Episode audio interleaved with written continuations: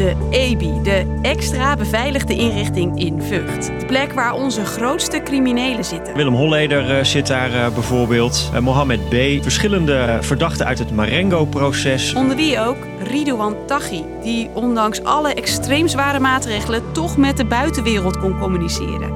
Is die best bewaakte gevangenis van ons land met de steeds zwaarder wordende criminaliteit wel veilig genoeg? Ik verwacht zo een uh, bevrijdingsactie van die groep, zou ik maar zeggen. Ik ben Hilde en deze aflevering neem ik je mee door de EBI. Lang verhaal kort. Een podcast van NOS op 3 en 3FM. Van de 28 gevangenissen in Nederland is de EBI veruit de strengste. Gebouwd na dit soort acties. De gedetineerde bonden drie bewakers vast, gooide een biljarttafel dwars door een raam en ontsnapte over de muur van de gevangenis. In de jaren 80 en 90 zijn er meerdere spectaculaire ontsnappingen in Nederland. Recordjaar was 1984. Toen waren er zo'n 120 ontsnappingen. Die haak heb ik namelijk gemaakt van de supermarktwagentjes die daar rondrijden. Dus dan kon ik naar boven klimmen tegen de touw aan. En zo ben ik ook weer naar beneden gegaan. In 1992 wordt een ontsnapping in Zwaag, Noord-Holland, zelfs wereldnieuws. Om kwart over elf vanochtend vond hier een ontsnapping plaats op een wijze die de directie tot dat moment voor onmogelijk heeft gehouden. Een helikopter landde op de binnenplaats, een gedetineerde stapte in en het toestel vloog weg. Dit kan zo niet langer, vindt de Tweede Kamer. En dus wordt er een oplossing bedacht. De extra beveiligde inrichting in Vught, de EBI. Maar hoe ziet het er daar binnen uit?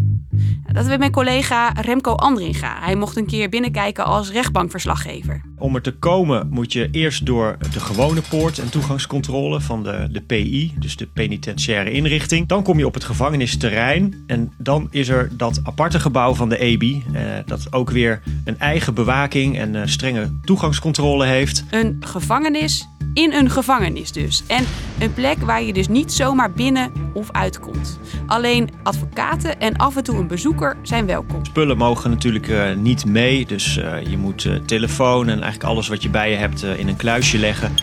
En nou ja, dan ga je door, door een scanner en je, wordt, je wordt natuurlijk gefouilleerd. Dus dat, dat gaat er vrij grondig aan toe.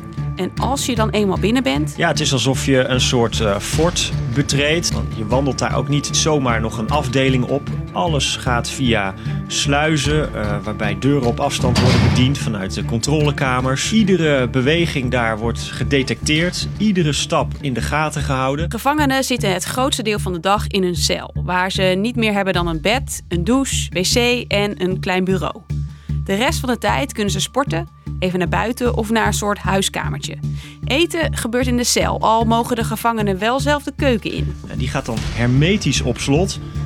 Dan moet een gedetineerde aangeven wat hij nodig heeft. Uh, bijvoorbeeld een mes of een potje kruiden. Nou, dat wordt heel precies geregistreerd en dan via een luikje de keuken ingeschoven. En al die plekken worden super streng beveiligd. Een eigen telefoon en internet zijn verboden. Af en toe mogen gedetineerden ook uh, onder begeleiding uh, in, in die huiskamer zitten. Toen ik daar een kijkje mocht nemen, lag daar vrij komisch een DVD van de serie Prison Break.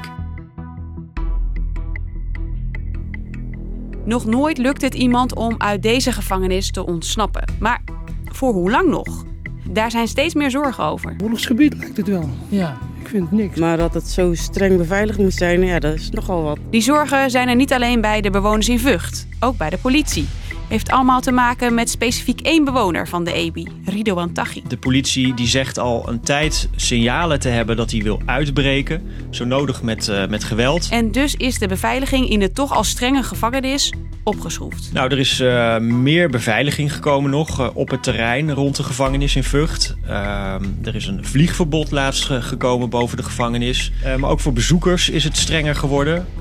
ik denk niet dat ik daar nu nog op bezoek zou mogen. Maar niet alleen de beveiliging van de EBI zelf is een probleem. Ook het vervoer van gevangenen vanuit Vught naar de beveiligde rechtbank in Amsterdam. Dure BMW's die dan met volle vaart en zwaailichten door de straten gaan. Zonder dat, uh, ja, die stoppen gewoon niet, die rijden gewoon door. Dus uh, ik vind het levensgevaarlijk. Daarom komt er een extra toegangsweg om het dorp heen. En ook wordt er in de EBI een verhoorkamer met videoverbinding gemaakt. Dan hoeft Taghi bijvoorbeeld niet steeds vervoerd te worden.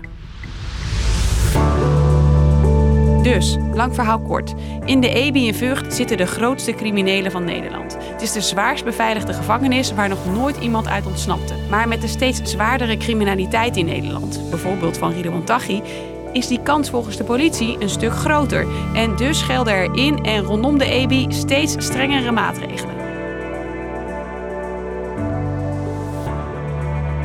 Was de podcast weer, morgen weer een nieuwe, gewoon weer in het openbaar te beluisteren. Niks geheims aan. Tot dan!